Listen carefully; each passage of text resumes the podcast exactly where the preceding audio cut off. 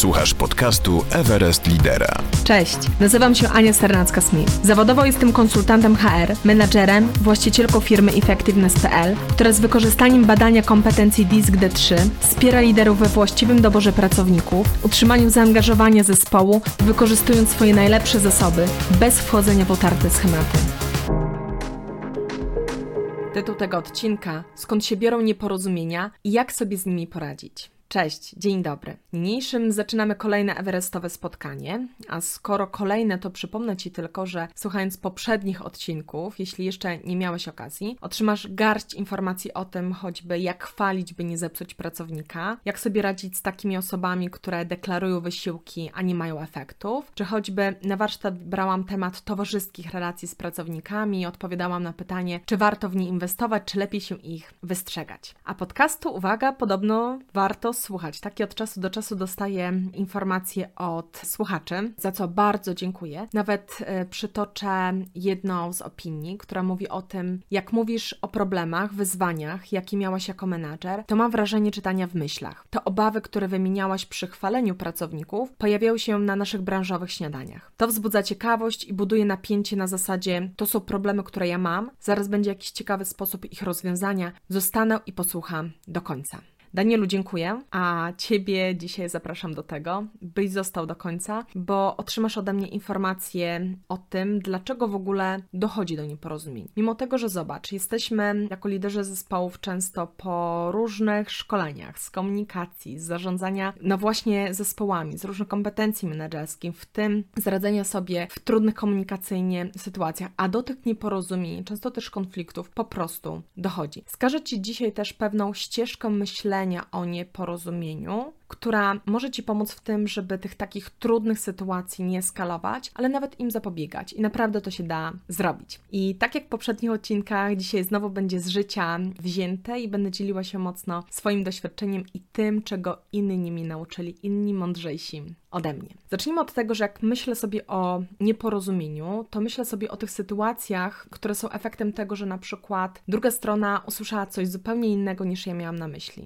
I zdarza mi się doświadczać takiej sytuacji, kiedy myślę, e, a skąd ty to sobie bierzesz? Ja w ogóle niczego takiego nie powiedziałam. Więc to później napędza trudną komunikacyjnie sytuację, relacyjnie. Są to też na przykład takie sytuacje, w których ja mam najlepsze intencje, a ktoś choćby nie wiem co w te moje dobre intencje nie chcę uwierzyć. Albo to są takie sytuacje, kiedy kończymy rozmowę z myślą, nie ma sensu w ogóle z tym człowiekiem rozmawiać, on i tak wie swoje, do niego nic nie dotrze, albo nie ma pojęcia o czym mówi. Mi zdarza się mieć scenariusze e, w głowie, które ci przytoczyłam, ale wiem, że to są też takie scenariusze, takie myśli, które mają też inne osoby. No bo spójrzmy prawdzie w oczy. My prowadząc zespoły, współpracując, będąc w zespołach, doświadczamy nieporozumień. One są i one będą.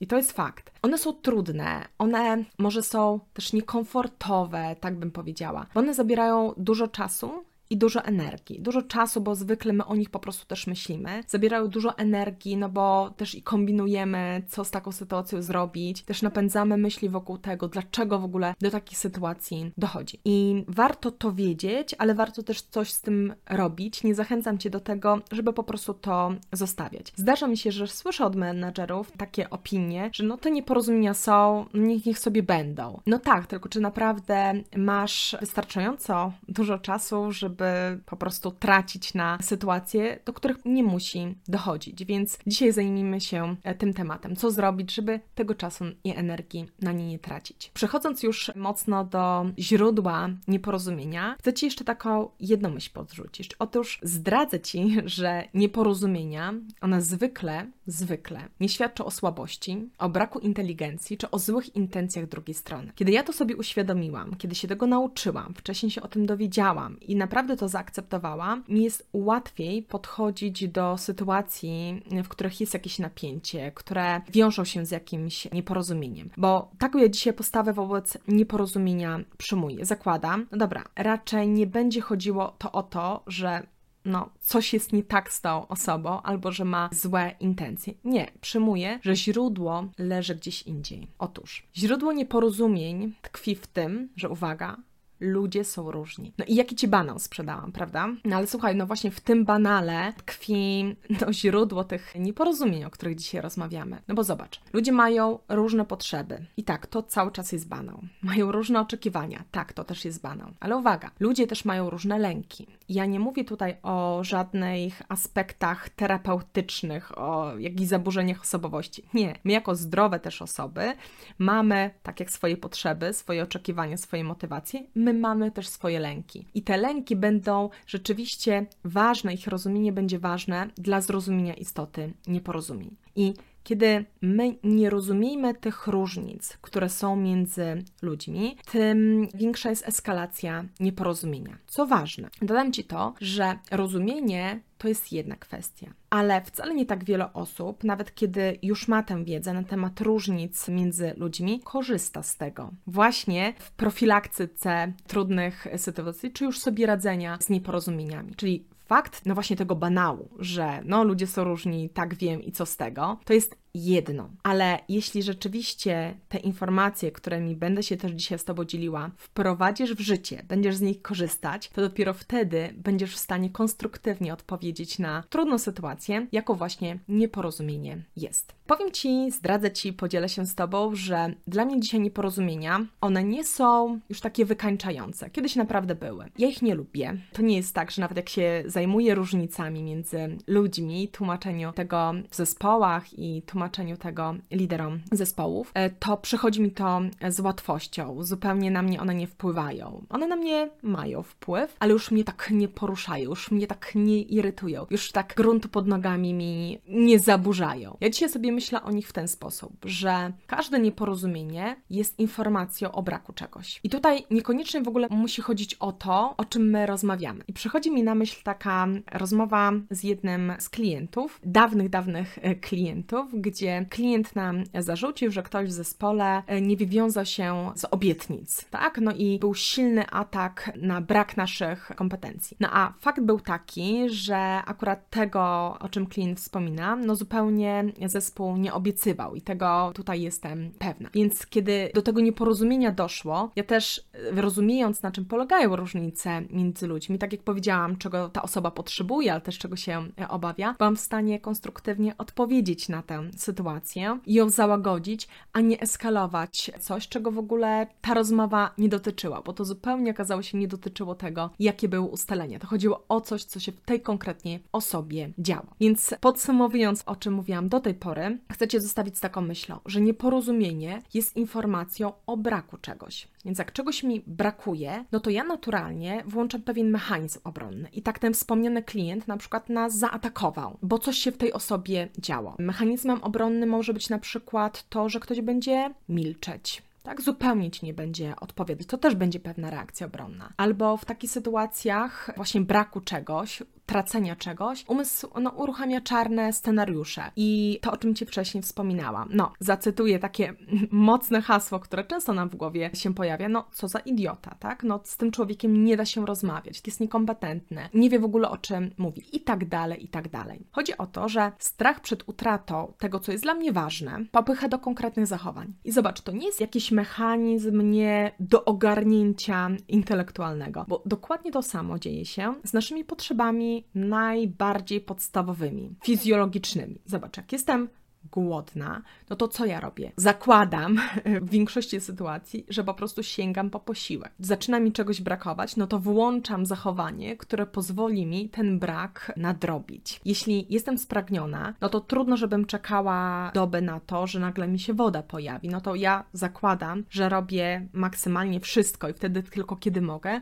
żeby potem wodę sięgnąć. I to też jakby wydaje się takie oczywiste, natomiast to nie jest aż takie oczywiste, jeśli chodzi o współpracę między nami, dlatego że tak jak ok, jestem spragniona, to posięgam po coś do picia, czy to będzie woda, czy to będzie kawa, herbata, sok, jakkolwiek, jakie są moje preferencje, ale my rozumiemy dobrze po co y, mamy sięgnąć, bo jesteśmy to w stanie zaobserwować. Natomiast my nie jesteśmy tak bardzo nauczeni, wyedukowani wokół tego, jak ludzie są różni i na czym te różnice między ludźmi polegają. No i chodzi o to, że nie każdego będzie syciło to samo. To, że ja sięgnę po wodę, to nie znaczy, że druga osoba również po tę wodę sięgnie. I łatwiej jest nam mówić no, o zadaniach, łatwiej jest nam mówić właśnie o tych potrzebach fizjologicznych, że mamy je różne i to jest ok, że mamy je różne. Natomiast jak dochodzi do różnic między ludźmi, to mam takie wrażenie, że to jest takie dość modne hasło i my na poziomie rozumowym utrzymujemy, tak, ludzie są różni, mają różne potrzeby, natomiast nie zawsze wiemy,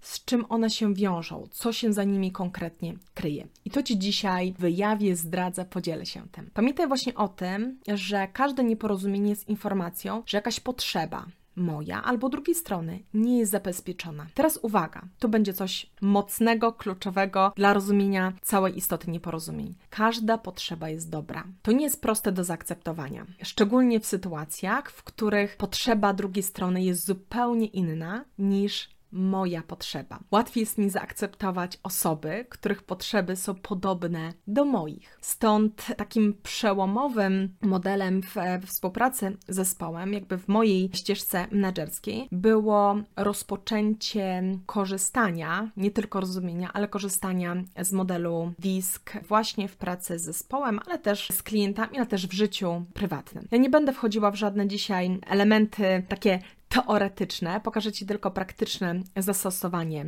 tego. Otóż zmierzam do tego, że ludzie są różni, ale ich zachowania da się naprawdę przewidzieć. I uwaga, nie zabiera to żadnej unikalności człowiekowi. Nie ma tutaj mowy o żadnym etykietowaniu. Ja na potrzeby podcastu, krótkiego naszego spotkania, takim telegraficznym Ci w skrócie pokażę, jak bardzo ludzie mogą być różni. Wyobraź sobie, że potrzebujemy jakąś przeszkodę pokonać i różne osoby tę przeszkodę taką samą tę konkretną, będą pokonywać w różny sposób. Będą osoby, które do tej przeszkody podejdą jak rakieta. To są osoby, których styl zachowania określamy stylem dominującym. To są osoby, które są bardzo szybkie w działaniu, bardzo zadaniowe, bardzo też decyzyjne, często pewne siebie, takie wymagające, które mają łatwość rozwiązywania problemów, dostarczania rozwiązań, które lubią ryzyko, które nawet naciskają innych na osiąganie wyników. Osoby, które cenią swój czas, które cenią zwykle sobie też pieniądze. Osoby, które lubią, uwaga, też konfrontacje, bo mówię, że te konfrontacje pobudzają je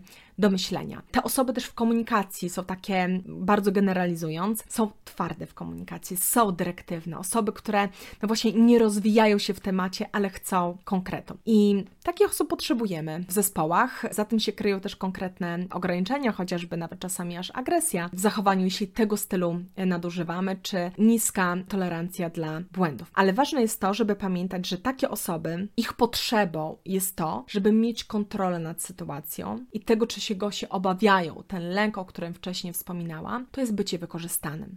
Dlatego one są dyrektywne, dlatego one chcą pokazać, że właśnie czuwają nad sytuacją, kontrolują sytuację, bo to, czego się obawiają, to jest utrata kontroli nad sytuacją. I nie ma w tym nic złego, bo inne osoby będą się obawiały czegoś innego, więc nie oceniajmy, tylko przyjmijmy i zaakceptujmy, że wśród nas mamy takie osoby, które do tej samej przeszkody podejdą inaczej. A mianowicie będą to osoby, takie, których styl zachowania określamy stylem wpływowym. To będą osoby, które są już nie tak nastawione na zadanie jak ten dominujący, ale bardzo nastawione na człowieka. Zwykle takie pełne energii, takie ceniące sobie wolność od procedur, bardzo zwykle komunikatywne, takie impulsywne, też emocjonalne. Często też takie otwarte na pomoc innym. Osoby, które umieją znaleźć kreatywny sposób rozwiązywania problemów, które do tej przeszkody podejdą jak taki balon. Piękny balon, który widzimy na niebie, który po prostu da się zauważyć, od którego często ciężko jest oderwać wzrok,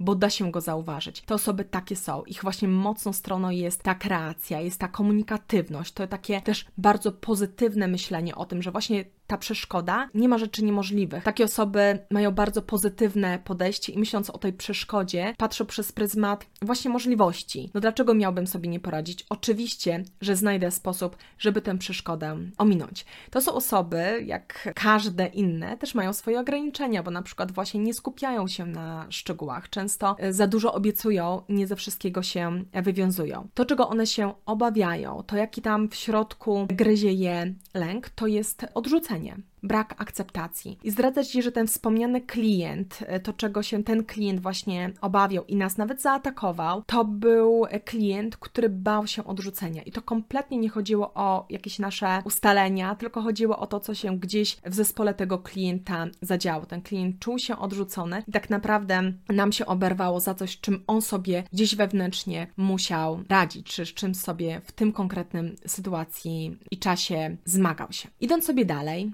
Będą wśród nas osoby, których styl zachowania określamy jako styl stały. I są to osoby, które widząc przeszkodę, będą chciały nie wsiąść, wskoczyć do tego balonu, o którym wcześniej mówiłam, czy do tej rakiety, ale one się najlepiej będą czuły, będąc pasażerem samolotu właśnie pasażerskiego, który no, jest uznawany za najbardziej chyba bezpieczny środek wciąż e, transportu. To są osoby, które możemy poznać po tym, że są bardzo dobrymi słuchaczami, które wcale nie będą dużo mówić, ale one rzeczywiście będą skupiać się na tym, co inni będą chcieli przekazać. Jak już coś powiedzą, to wtedy to każde słowo będzie miało znaczenie. To są osoby, które się dobrze czują, no właśnie kiedy mają bezpieczne środowisko, gdzie nie są same, ale mogą też polegać na innych. Bardzo dobrze się sprawdzają w pracy zespołowej, dla których nie tyle ten kontakt, jak w tym balonie, będzie ważny, ale te relacje będą tutaj istotne. Bycie wśród osób, którym mogę zaufać. To są osoby, które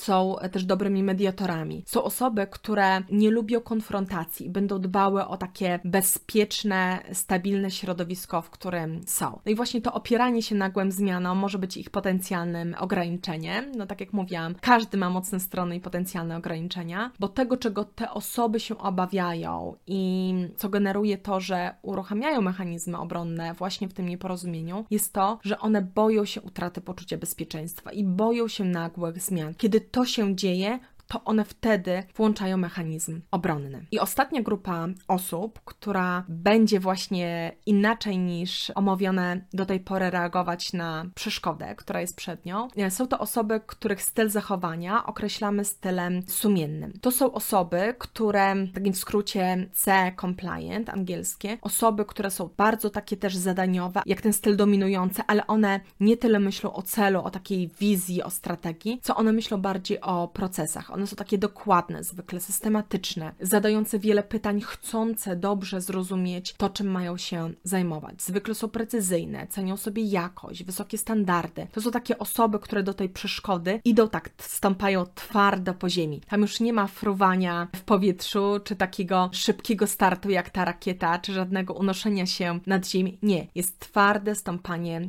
po ziemi. To są osoby, które, tak jak powiedziałam, zadbają o najwyższą jakość, które przewidzą nawet w projektach potencjalne niepowodzenia, bo one przez ten pryzmat myślą, są w stanie analizować to, jak jest i co powinniśmy udoskonalić. To jest ich mocna strona. Potencjalnym ograniczeniem jest to, że mogą być zbyt krytyczne i za mocno utykać w szczegółach. To, czego się najbardziej obawiają, to jest uwaga, krytyki i tego, że ta jakość ich pracy nie będzie doceniona. Stąd tak wszystko sprawdzają, stąd tak wszystko analizują. I co ważne, to jest tak, że w każdym z nas są te cztery style zachowania, ale chodzi o to, który z nich jest szczególnie dominujący i w tych trudnych sytuacjach on się będzie szczególnie ujawniać. No i to, o czym Ci powiedziałam, jak się ma do naszego dzisiejszego nieporozumienia, które rozpracowujemy. Dzisiaj, kiedy ja to wszystko wiem o modelu DISK, też tego uczę i z zespołem tym się dzielimy z naszymi klientami, kiedy ja to wszystko wiem, kiedy co ważne, ja z tego korzystam też względem samej siebie. Ja wiem dzisiaj, jaka jest moja dominująca potrzeba, ale też jaki jest mój dominujący lęk. I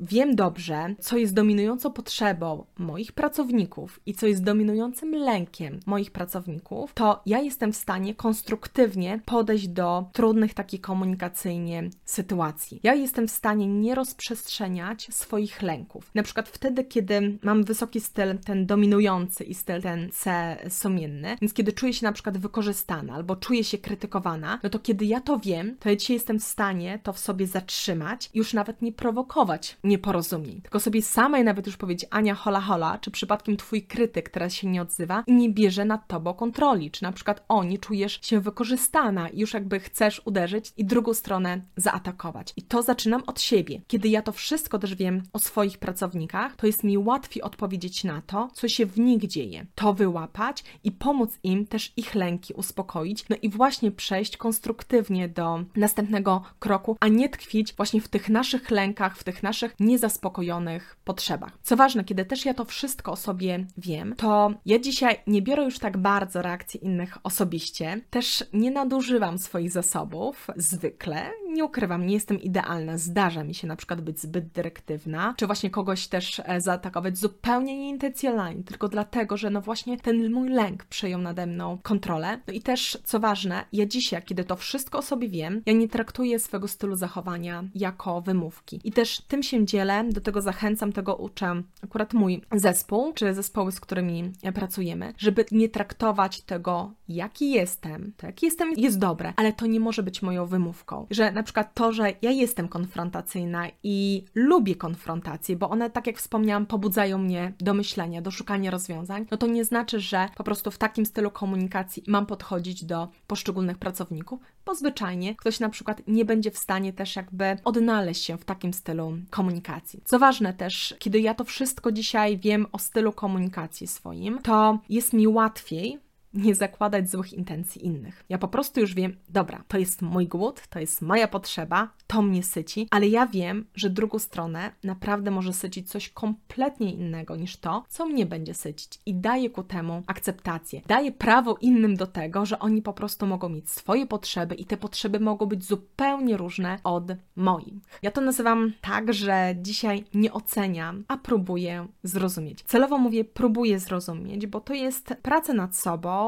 nad relacją, nad współpracą, którą wykonuję codziennie. To nie jest tak, że raz to wiem o sobie i tyle, i nie powinnam z tym nic zrobić. To jest to, o czym mówiłam Ci na początku, że my możemy to wszystko wiedzieć, ale na nic to będzie, jeśli ja z tego nie będę korzystać, jeśli tego codziennie nie będę przepracowywać. Pamiętam, jedna osoba też mnie kiedyś zapytała o to, jak podzieliłam się tym, że no jestem osobą, tym w wysokim stylu sumiennym, która boi się krytyki. Pamiętam, że ta osoba mi powiedziała, Ania, ty tego wszystkiego uczysz, uczysz, ty tyle wiesz o sobie i ty naprawdę po tylu latach cały czas się te krytyki boisz? No odpowiedź brzmi tak, ja się jej boję, tylko że dzisiaj ja już temu nie oddaję po prostu kontroli. Ja cię wiem, jak mogę sobie tym zarządzać. Na koniec chcę przytoczyć Ci sytuację z życia zespołu, gdzie te różnice w stylu zachowania odzywają się i prowadzą do nieporozumień. Tę sytuację sobie wyciągnęłam z książki Siła różnic w zespole. Tam znajdziesz dokładny opis tego, co się w tym zespole wydarzyło i jak znajomość stylów zachowania pomogła tym osobom zwyczajnie się ze sobą dogadać, ale właśnie nie eskalować trudnej tej komunikacyjnie sytuacji. Więc przytoczę Ci trochę tak, cytując ich wypowiedzi. Mamy dwie osoby. Anna to jest osoba taka sumienna, ten styl C w modelu DIS, która tak dba o każdy detal w projekcie. To jest tak takim w dobrym tego słowa znaczeniu perfekcjonistą, gdzie tego nie nadużywa, tak? Dba o jakość. To jest ten styl C. Piotr to jest styl dominujący,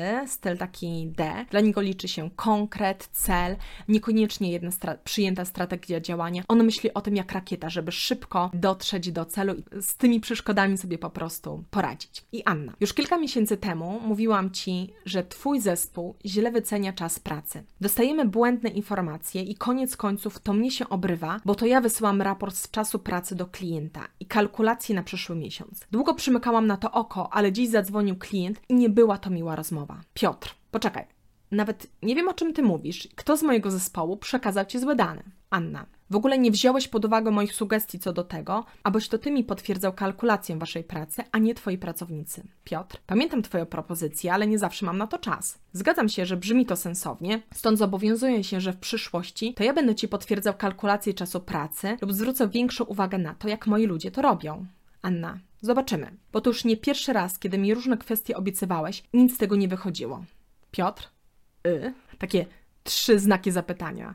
Ale o co ci chodzi? Przecież ci mówię, że przed chwilą powiedziałem właśnie, że przecież się zobowiązuję, że będę to robić. Nie przypominam w ogóle o co chodziło. Skąd w ogóle eskalację takich emocji? No idźmy dalej, tak? Znajdźmy rozwiązanie i działajmy. Pamiętam, pracowałam z tą parą zespołową i bardzo konstruktywne było spotkanie, kiedy poprzyglądaliśmy się temu, jaka jest Anna. Poprzyglądaliśmy się temu, że dominuje u niej w zachowaniu ten styl C sumienny. To, że ona właśnie zadba o jakość, tak, ale boi się krytyki. No i kiedy jest właśnie ryzyko tego, że będzie skrytykowana, i tutaj skrytykowana przez klienta, no to zaczyna atakować i co ona robi? Jako osoba, która boi się krytyki, no wyciąga, działa krytyki, zaczyna Piotra krytykować. A ten, który no, jest tym dominującą osobą, która właśnie nie myśli to o szczegółach, nie zawsze też pamięta o tych ustaleniach, myśli o tym jak rakieta, jak najszybciej dotrzeć do celu. On myśli przez pryzmat tego, no ale co się stało? Znajdziemy rozwiązanie, idziemy do przyszłości. On to, czego się obawia, no to utraty kontroli nad sytuacją i tego, żeby nie być wykorzystanym. I może być mu trudno zrozumieć, że dla Anny właśnie te ustalenia będą bardzo ważne. I